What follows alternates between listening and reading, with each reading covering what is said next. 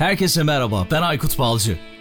Teknoloji, iş dünyası ve dijitalde trendleri konuştuğumuz Dünya Trendleri Podcast serisinin yeni bölümüne hepiniz hoş geldiniz. Dünya Trendleri Podcast'in 119. bölümü. Bu bölümde Metaverse serisine bir ara veriyoruz ama devam edeceğiz. İş hayatında duygusal zekanın önemini konuşacağız.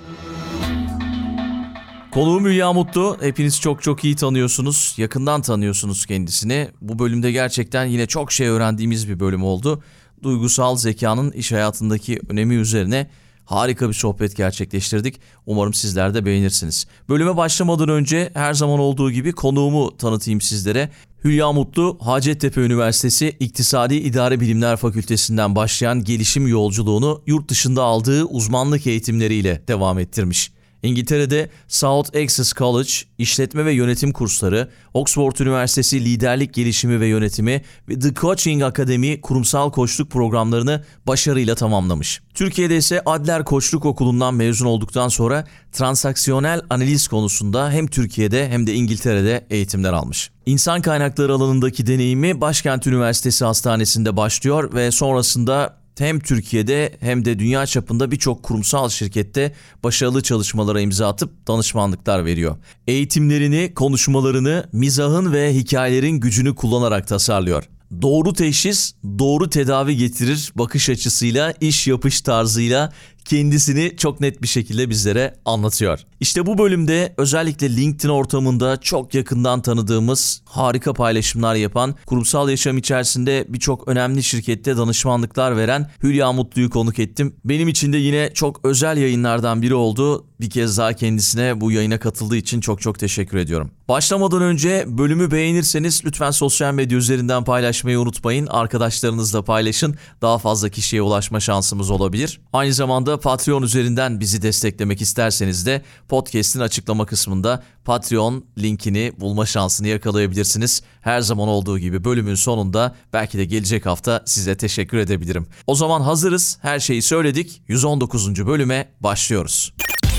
Selamlar, hoş geldiniz. Hoş bulduk, merhabalar. Bu bölümde gerçekten çok merak ettiğim, yine benim özellikle araştırdığım kitaplarda da gördüğüm, okuduğum bir konuyu konuşacağız. İş hayatında duygusal zekanın önemi ve sizin de zaman zaman bu konuyla ilgili çok güzel paylaşımlarınız var. Konuk olmayı kabul ettiğiniz için çok çok teşekkür ediyorum. Çok güzel bir bölüm olacak eminim şimdiden söyleyeyim. Asıl ben teşekkür ederim. Bu kadar değerli bir serinin içinde yer almak beni çok mutlu etti açıkçası. Peki 2020'den bu yana sizi yakından takip ediyorum özellikle pandemi dönemiyle birlikte. Nasıl bir dönem geçti? Şu anda o herhalde şeyi atlattık, şoku atlattık. Artık alıştık mı bazı şeylere? Evet aslında pandemi bir şekilde bizim belirsizlik, muğlaklık, karmaşa ve oynaklıkla yaşamayı öğrenmemizi sağlayan bir deneyim oldu. Bir yönüyle zorlayıcı, öbür yönüyle de potansiyelimizi gördüğümüz, adaptasyon becerilerimizi test ettiğimiz bir süreç oldu. Baştaki kadar e, dramatik gelmemekle birlikte elbette ruhlarımızda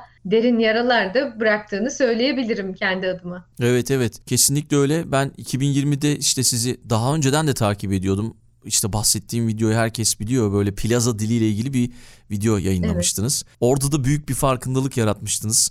Hala da o video çok çok konuşuluyor. Eminim ki paylaşılıyor evet. da, izleniyor da. E, çok çok teşekkür ediyoruz onun için de. 2020'de İngiltere'deydiniz yanılmıyorsam. Sonra Türkiye, İngiltere artık nerede olduğumuzun çok fazla bir önemi yok. Her şey evet. güzel gidiyor anladığım kadarıyla. Şirketlerin içerisinde de bol bol yer alıyorsunuz görüyorum. Danışmanlıklar veriyorsunuz. Oralarda durumlar nasıl? Belki oraların havasını böyle bize biraz anlatırsınız. Evet oralarda da az önce ifade ettiğimiz gibi e, organizasyonel yapıların çoğu e, bir şekilde adapte oldular. Tabii çok dramatik değişiklikler oldu. Çok geleneksel yapılar bile zamanın gerektirdiği bir takım değişimlere uyum gösterdiler. Mesela hibrit çalışma modelleri iki sene önce e, neredeyse pek çok organizasyonel yapının hiç gündeminde yokken bazıları tamamen uzaktan çalışma, büyük bir kısmı hibrit çalışma, bir kısmı da geleneksel kalmayı tercih etti. O çok önemli değişikliklerin olduğunu düşünüyorum. Sınırların kalktığını düşünüyorum. Yeteneğe ulaşmakta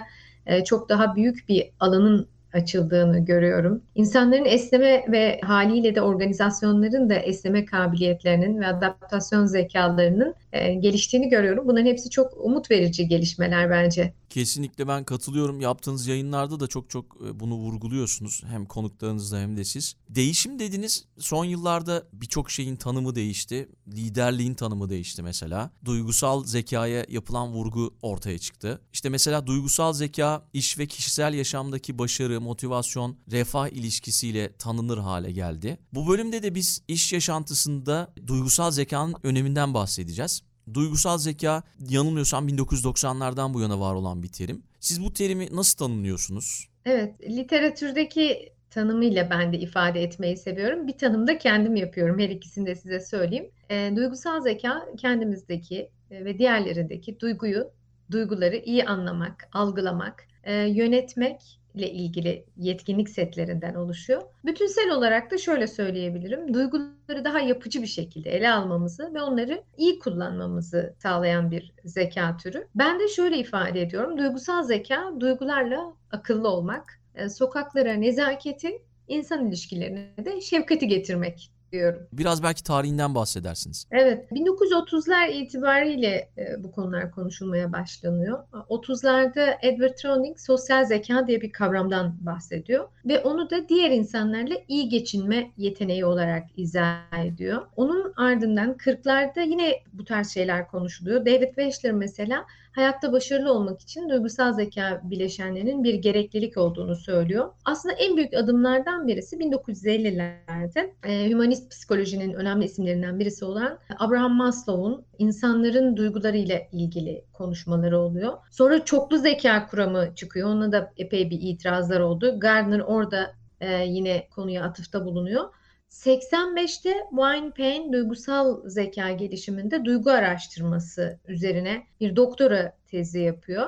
Sonra yine duygusal zekadaki önemli modellerden birisi 1987'de Baron'un geliştirdiği bir e, model vardır. Hala çok etkin olarak kullanılır ve Daniel Goleman'ın da etkilendiği bir modeldir. Hemen ardından 90'larda Salovey ve Mayer adında iki bilim insanı literatüre çok ciddi katkılar yapıyorlar. Hatta bence Goleman'a ciddi şekilde ilham veriyorlar ve Daniel Goleman onların literatürlerini bence ticarileştirmeyi ve konuyu iş dünyasının kullanabileceği bir hale getirmeyi başarmasıyla çok böyle duygusal zeka ile ilişkilenmiş. 96'larda da örgütlerde duygusal zeka konsorsiyumu diye bir konsorsiyum kurulmuş. Amerika merkezli ve şu an bu konsorsiyum iş başarısında duygusal faktörlerin, sosyal faktörlerin ne kadar önemli olduğu ile ilgili çalışıyor, içerik üretiyor, yayınlar yapıyor. Böyle ifade edebiliriz. Psikolog Daniel Goleman'a göre 5 bileşene sahip duygusal zeka yanılmıyorsam. Evet, evet. İşte kişisel farkındalık, öz denetim, içsel motivasyon, Hı-hı. empati ve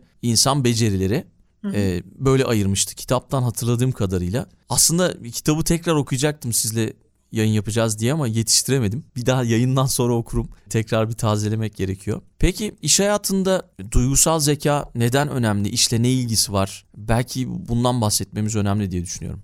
Tabii. Şimdi teknik yeterlilikler e, hakikaten önemlidir. Teknik yeterliliğin olmadığı bir yerde güven bunalımı oluyor. Fakat sosyal yeterliliklerle, ilişki yeterlilikleriyle, duyguları yönetme yeterlilikleriyle teknik yeterlilikler desteklenmediği zaman başarısızlık geliyor. Amerika'da yapılan bir araştırma çok başarılı yöneticilerin, liderlerin %90'ının duygusal zeka konusunda fark yarattığını verilerle söylüyor. Ve aynı çalışma başka ilginç bir bilgi de veriyor bize. Diyor ki başarımızın %58'i duygusal zekamızla ilgilidir. Yani biz senelerce IQ'yu belki de çok e, gereğinden fazla yücelttik. Hani IQ, evet. IQ önemsiz demiyorum kesinlikle. E, bizim iyi okullara girmemizi, oralardan başarıyla mezun olmamızı sağlarken e, duygusal zeka bağlar kurarak, insanı anlayarak, kendimizi doğru şekilde ifade ederek daha başarılı ve daha mutmain olduğumuz, keyif aldığımız bir hayat yaşamamızı sağlıyor.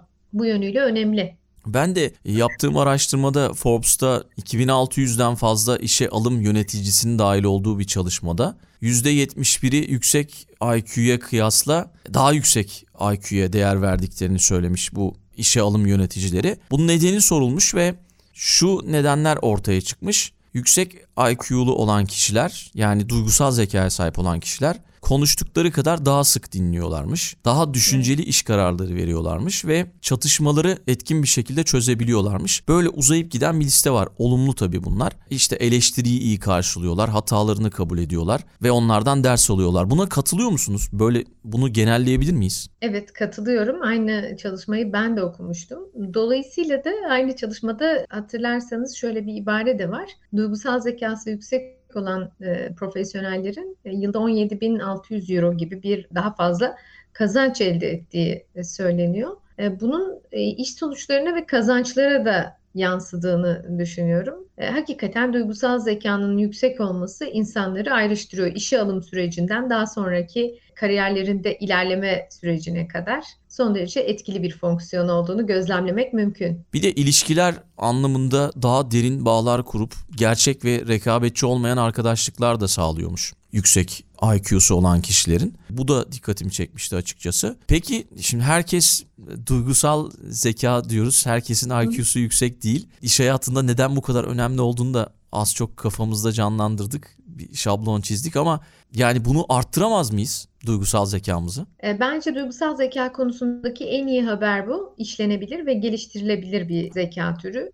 Evet, çevresel faktörler önemli. Genotip elbette önemli. Fakat e, bunları geliştirebiliriz. İsterseniz az evvel sizin ifade ettiğiniz 5 boyutu üzerinden giderek nasıl geliştirilebileceği ile ilgili e, Süper net olur. bilgiler verelim. Şimdi siz de 5 tane boyutundan bahsettiniz. Öz bilinç, kendini tanımak, e, öz denetim, duygularını yönetmek, motivasyon, kendi duygularını harekete geçirmek, başkalarının duygularını anlamak, hatta bu bazı kaynaklarda e, duygusal okuryazarlık olarak da geçer. Bir de ilişkileri yönetme yeterlilikleri. Şimdi ilk maddeden alacak olursak hakikaten öncelikle e, bizim kendimizi tanımak, anlamak üzerine biraz çalışmamız gerekiyor ve ben burada özellikle bilişsel yapımızı yani düşünce sistemimizi fark etmek, düşüncelerimiz üzerine düşünmek, düşüncelerimizi izlemek, onları not almak. Çünkü düşünceler duygular anlamında çok tetikleyici. Düşünceleri fark ettikten sonra da güçlü duygular e, hissettiğimiz anları ve bunları nelerin tetiklediğini fark etmek. Yani önce biraz farkındalık çalışması. Sonra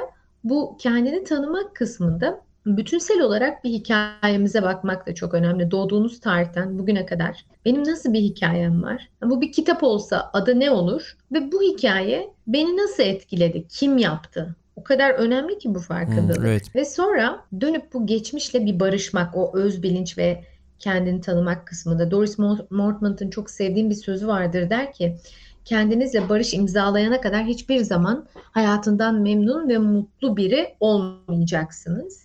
Ve ondan sonra biraz da e, inançlarımızı, duygularımızı, davranış kalıplarımızı bir de bu boyutta ilişki kalıplarımız da çok önemli. Benim genellikle başıma neler geliyor, nasıl insanlarla karşılaşıyorum, hangi psikolojik oyunlar içerisindeyim. Burada e, gerçekten insanın kendini sigaya çekmeden sorgulaması gerekir diye düşünüyorum.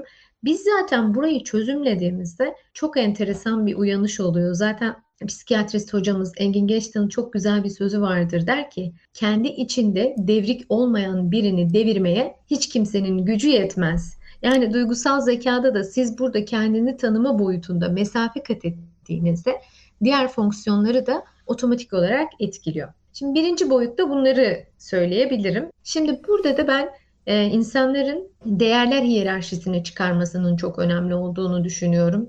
Çünkü beni ne mutlu ediyor, ne kızdırıyor, nelerden taviz vermem. Buralarda netleşmek e, çok faydalı duygusal zekanın gelişimine de katkı sağlıyor. E, hatayı kabullenme konusunda, hatalarla yüzleşme konusundaki kaslarımızı geliştirmek çok önemli. Ve şimdi söyleyeceğim ise belki de en önemlisi. Stresli durumları yönetme becerimizi geliştirmemiz gerekiyor. Yani baskı altındayken ben nasıl davranıyorum? Stresli durumlarda ağırlıklı olarak tetiklenen duygularım neler? Bunlara raket duygular deniliyor. Stresli durumlarda ortaya çıkan, problemin çözümü anlamında hiçbir işe yaramayan, problemi daha büyüten duygular. Bunları fark etmek, raket duygular yerine duygu repertuarımız çok geniş. Onların e, karşısında çok daha kullanışlı, adına otantik duygular diyebileceğimiz duygulardan seçebiliyoruz. Bunun için işte stresli durumlara farkındalık getirmek gerçekten çok önemli. Aslında böyle temel bir duygusal iyileşme çalışmamız olması gerekiyor ve bunun çok sistematik olması gerekiyor. Yine konu bütünsel. Dolayısıyla bu öz denetim kısmında şu da giriyor. Sağlıklı yaşam rutinleri, iyi beslenmek, egzersiz, iyi bir uyku düzeninin olması ve tam burada yine duygusal zekanın gelişimine önemli katkı sağlayacak. Sinir bilim tarafında da uzmanların çok önerdiği bilinçli farkındalık, nefes egzersizleri, meditasyon yapma. Çünkü o zaman çok enteresan bir uyanış oluyor. Şöyle panoramik duygularınızı, düşüncelerinizi izleyebiliyorsunuz ve o e, yargıçlık etmeden tanıklık etme hali gerçekten duygusal zekanın gelişiminde çok faydalı oluyor. Böylelikle ikinci boyutla ilgili de birkaç ipucu vermiş oldum. İş yerinde çalışanların strese maruz kaldıklarında performanslarının düştüğünü biliyoruz. Başkalarına yardım etme olasılıklarının daha düşük olduğunu da biliyoruz. Araştırmalar böyle söylüyor. Bunu bu sayede yenebiliriz ve dolayısıyla daha fazla bir katkı sağlayabiliriz. Kesinlikle aslında iş yerin yani örgütsel stres e, tükenmişlik sendromunun önemli bir nedeni. Orada yaşadığımız stresin türünü de fark etmek çok önemli. Mesela akut stres dediğimiz şey bize problemleri çözdüren bir stres türü. Daha kısa süreli. Episodik akut stres var. Bir de kronik stres var. Özellikle kronik stresi zaten adı üstünde kronik sürekli yaşamaya alışmış ve işleri bu şekilde yürüten, problemleri bu şekilde çözen insanların ister istemez sağlık sorunları oluştuğu gibi bu streslerini etraflarındaki insanlara da boca ediyorlar ve dolayısıyla son derece stresli, insanların sabahları ayaklarının geri geri e, gittiği bir iş iklimi oluşuyor. Özellikle ben bizi dinleyen yöneticilere şunu söylemek istiyorum. Stres yönetme e, becerilerini geliştirmelerini hararetle tavsiye ediyorum. Yani stresle iş yapma anlayışı iyi bir şey değil. Sağlığımıza da iyi gelmiyor. Sağlık alanındaki profesyonellerle konuyu teyit edebilirler. Bazal stresin uzun ve yoğunluklu yaşanması vücutta enflamasyon dediğimiz tıp dilinde böyle söyleniyor. Halk arasında iltihaplanma bir durumu oluşturuyor ve bu durum bizim sağlığımızı bozuyor, bağışıklığımızı, e, uyku düzenini belki. Her şeyi olumsuz etkiliyor. Yani stresi çok kullanışlı hale de getirebiliriz. Stresin bizi hasta etmesine de sebebiyet verebiliriz. Dolayısıyla üzerine çalışılması gereken bir husus olduğunu düşünüyorum.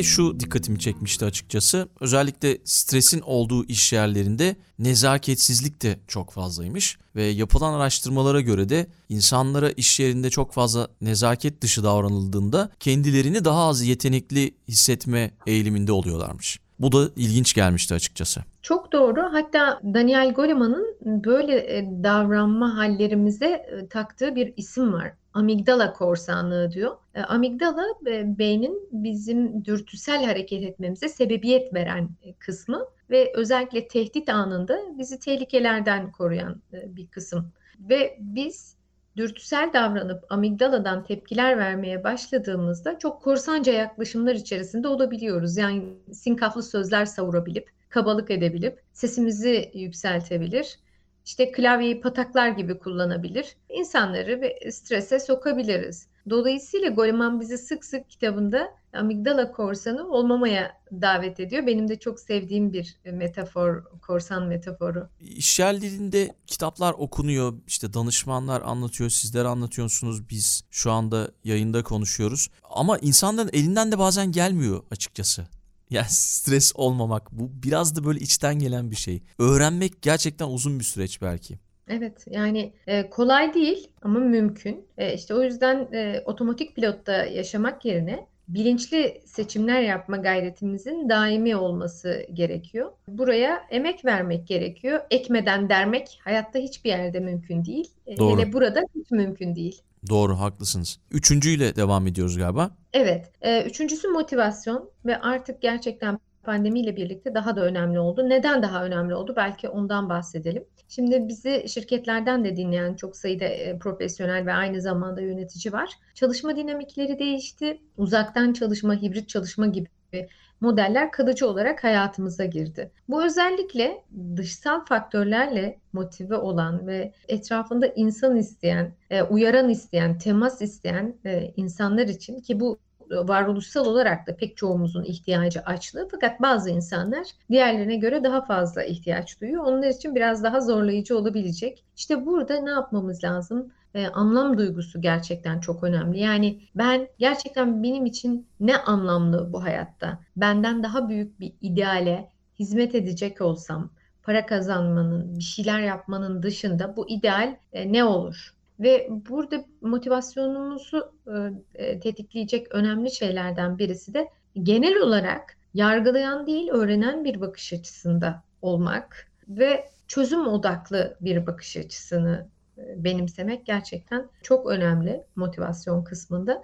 Bir de ben burada Stephen Covey'in ele aldığı etki alanı ve ilgi alanı yaklaşımının motivasyonda çok önemli olduğunu düşünüyorum. Son dönemlerde dünyada ve ülkemizde meydana gelen gelişmeler insanların umudunu ve iyimserliğini büyük ölçüde azalttı ve motivasyonlarını da haliyle düşürdü. Benim bizi dinleyen sevgili dostlarımıza da bir şekilde bu içeriğe ulaşacak herkese de Covey'in e, ilgi alanı, etki alanını hatırlatmak isterim. Şöyle söylüyor. Bir şeyler oluyor ve bütün bunlar olurken konuların bir kısmı senin ilgi alanında. Örneğin genç işsizliği, yabancı paranın oynaklığı, ekonomideki dalgalanmalar, Ukrayna-Rusya savaşı. Bunlar ilgi alanımızda bizi etkiliyor. Fakat bunlar üzerinde şu an direkt yapabileceğimiz bir şey maalesef yok. yok. Birçoğumuzun yok. Etki alanına gelelim. İşte orası motivasyon açısından çok önemli. Benim yapacağım neler var? İnanın orada sonsuz seçenekler var. Ve orayı görmek, oradan seçimler yapmak bizi özgür kılacaktır. Ben biraz o, o kısma odaklanmalarını tavsiye ediyorum. Beni ne motive eder? Ve ben şunu düşünüyorum Aykut Bey, odağını kaybedenler bu dönemde e, çok sarsılacak. Odağı kaybetmemek kolay değil ama en azından bir iki öncelik tespit edip ben bunlarla ilgili e, ne yapabilirim deyip yola çıkmak, dikkatimizi, enerjimizi oraya vermek, özellikle sosyal medyadaki yankı odalarına hapsolmak insanların motivasyonunu iyice yerle yeksan ediyor. Sizin motivasyonla ilgili benim çok sevdiğim sözünüz var. Web sitenizin hemen açılışında yer alıyor. O da belki her insanın böyle bir hedefi olması gerekiyor diye düşünüyorum. İşte motive etmek için kendini. Onu okuyayım. Elimin uzandığı her yere iyilikler ve güzellikleri bilgiyle bırakmayı yaşam amacı edinmiş birisi olarak kendime verdiğim sözümse yaşamım boyunca öğrenciliğin ve öğretmenliğin hiç bitmesin.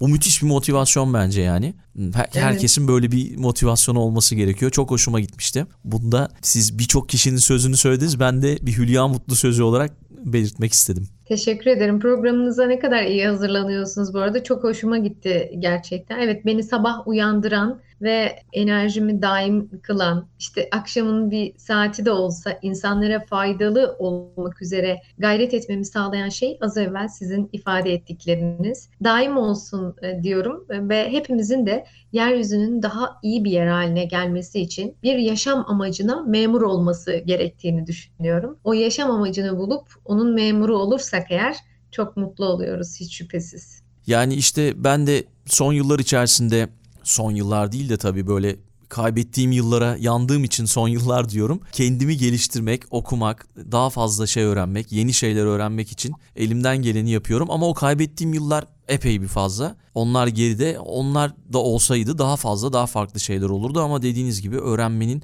yaşı da yok, zamanı da yok, süresi de yok. Sürekli devam edecek bir şey. O yüzden çok çok hoşuma gitmişti bu söz. Teşekkürler.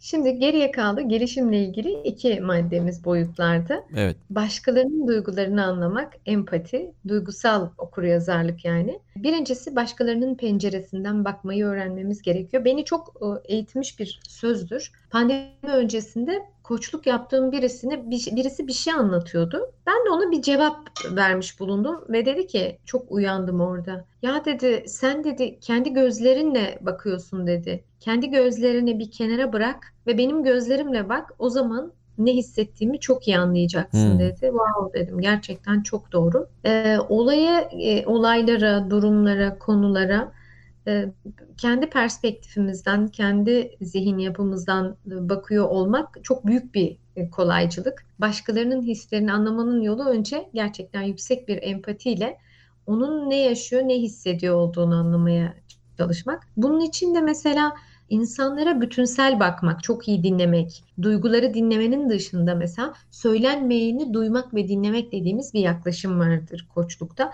Kişinin beden dilini, tüm tepkilerini görmeye yönelik. Mesela çoğu yönetici çok operasyon odaklı. Kafasını bilgisayardan kaldırmıyor. Kafasını kaldırıp şöyle insana bir bakmak, yürüyüşüne, hislerine, gözlerine, ne yapıyor, neler oluyor bitiyor. Ve insanlar biz onlarla ilgilendiğimizde, biz onları dinlediğimizde zaten o anlaşılmış olmanın getirdiği muhteşem bir duyguyla bize yaklaşıyorlar ve o zaman ağ değil bağ kuruyoruz. Benim empati için hararetle tavsiye ettiğim şey roman okumak, filmler izlemek. Çünkü oralardaki karakterlerin büyük bir çoğunluğu bizden oldukça farklı ama hikayesi olan insanlar. Bir de insan hikayelerine çocuksu bir merak. Ne yaşamış? Mesela hmm. Çok sık sorarım. Aa ne hissettin? Seni zorluyor mu? Nasıl oldu? Çok merak ederim bunu yaşayan insanlar ne hissederler? Ne bileyim işte Almanya'ya taşınmışsınız mesela. Neler yaşıyorsunuz? İnsan ne hissediyor?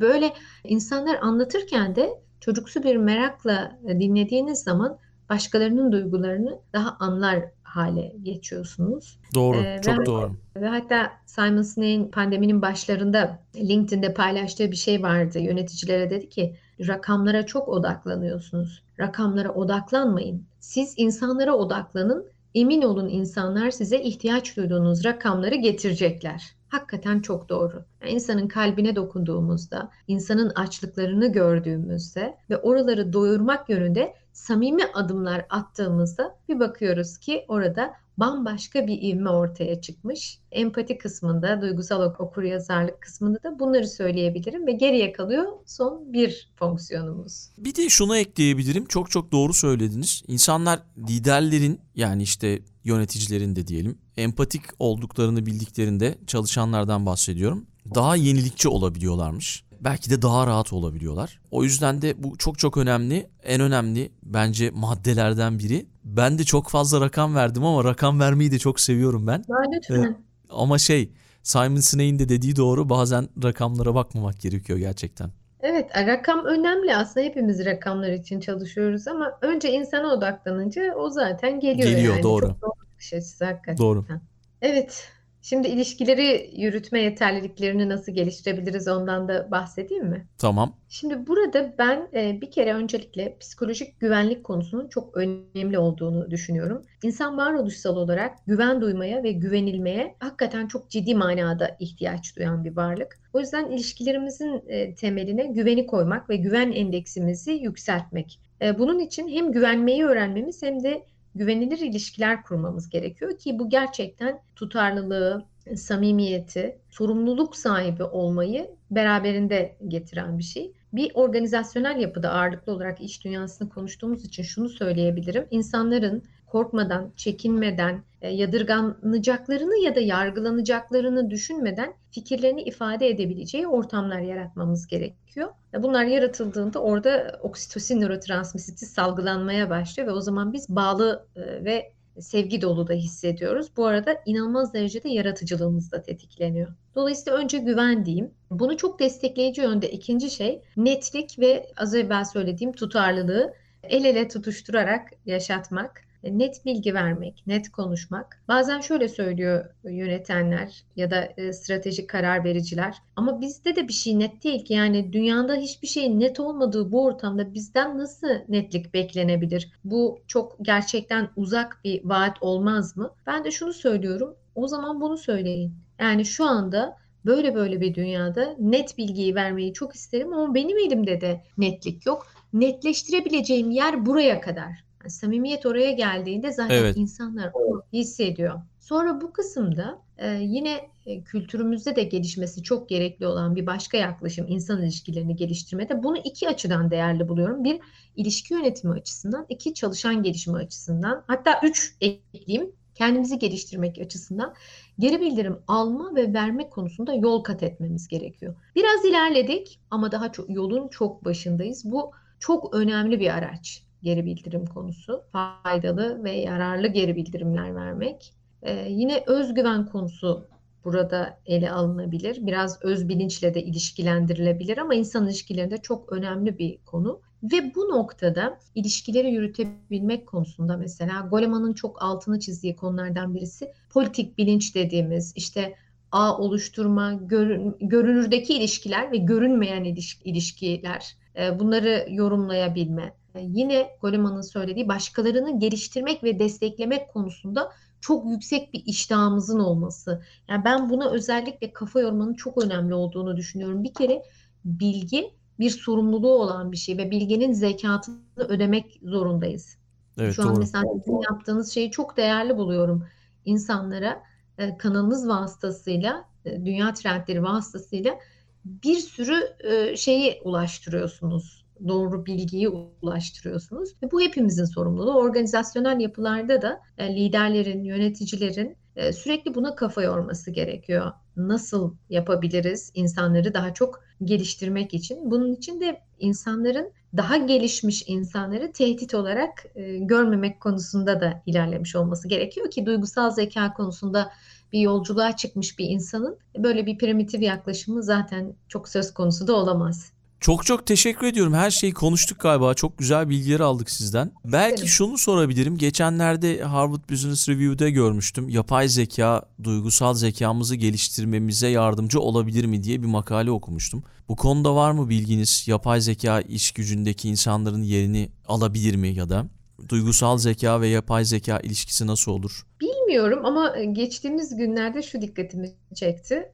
Jack Mo'ya bir soru sordular. Hani çocuklara ne öğretelim, ne öğrensinler, hangi yetkinlikleri kazansınlar şeklinde. Tabii büyük bir teknoloji şirketinin CEO'su olması hasebiyle kuvvetle muhtemel insanlar teknoloji bazı yetkinliklerle ilgili bir şeyler beklerken o dedi ki e, duygusal zeka öğretin, sanatla, edebiyatla daha fazla meşgul olmalarını sağlayın. Yani yapay zeka bir sürü şeyi yapacak evet ama yapay zekalar bu duygusal zeka fonksiyonunun ürettiği sonuçları ve yaklaşımları bilmiyorum hissettirebilecek mi yapabilecek mi? Ha şunu söyleyebilirim size mesela yapay zeka robotları o kadar e, nezaketli, şefkatli ve tatlı ki o hani Siri, Alexia vesaire onlar konuştuğunda ben bazen şey diyorum şaka yaparak. Vallahi bunlar bazı insanlardan çok daha nezaketli ve iyi evet. hissettiriyor insana kendi. Öyle değil mi? Doğru. Üzülme doğru. lütfen falan diye böyle teselli ediyorlar. yani bu konuyla ilgili sizin sorunuza e, bir yorum verecek, yorum yapacak bir bilgi bende yok şu anda. Yani kısacası şunu anlıyorum. Duygusal zeka herhangi bir teknik beceri kadar önemli. Biraz buna yatırım yapmak gerekiyor. Jack Ma evet. da öyle söylemiş. Evet. Bireylerin, ekiplerin işlerinde başarılı olmasına yardımcı oluyor ki anlattığınız, verdiğiniz örnekler de öyle, araştırmalar da öyle. Bu şekilde yol almamız gerekiyor. Peki kapatmadan önce her konuğumdan bir kitap önerisi istiyorum. Sizin kitabınızı önereceğiz. Onu önerelim hatta. Sizin kitabınızı önerelim bence. Ama yok ben tamam. başka bir kitap önermek isterim derseniz de onu da önerebiliriz ama sizin kitabınız da çok çok değerli. Onu önermiş evet, oluruz. Teşekkür ederim benim e, kitabımı önerdiğiniz için. Ben kitapta da duygusal zeka konusundan bahsettim. Onun Süper. dışında siz az önce zaten Daniel Goleman'dan bahsettiniz. Duygusal zeka konusuna ilgisi olan insanların onun duygusal zeka, iş başında duygusal zeka kitaplarını okumalarını tavsiye ederim. Yine Harvard Business Review'in sesli kitabı vardır. Duygusal zeka diye. Onu da e, sesli kitaptan dinleyebilirler. Konuyla ilgili çok fazla sayıda kitap var zaten okunabilecek. Hatta bölüm içinde de iki kitap önerisi yaptınız bu arada galiba. Yanlış ee, hatırlamıyorsam. Yapmış olabilirim. Hatta şeyi de önerebilirim. Antonio Damasio'nun Descartes'in Yanılgısı kitabını da önerebilirim. Çok ciddi şekilde Goleman'a ilham vermiştir. Çünkü çok e, bilimsel temelli değerli çalışmalar vardır içinde. E, duygulara iade itibar yapılması ile ilgili ilk çağrı da aslında ondan gelmiştir iş dünyasına. O açıdan da değerli buluyorum Damasio'nun Descartes'in Yanılgısı kitabını. Peki çok çok teşekkürler konuk olduğunuz için. Ben Siz... çok teşekkür ederim. Rica ederim. Tekrar buluşmak üzere. Sağ olun. Ee, ben de bu güzel, e, başarılı programların devamını temenni ediyorum. Sizi severek e, dinliyoruz. Üretkenliğiniz daim olsun efendim. Dünya Trendleri Podcast serisinin bu bölümünün sonuna geldik. www.dünyatrendleri.com Twitter'da @dünyatrendleri, Instagram'da dünya.trendleri adreslerinden Dünya Trendleri Podcast'i takip edebilirsiniz. Unutmayın önerileriniz ve merak ettikleriniz içinse info gmail.com adresinden mail atabilirsiniz. Bu bölümü dinlediğiniz için çok teşekkürler. Yeni bölümde tekrar buluşmak üzere.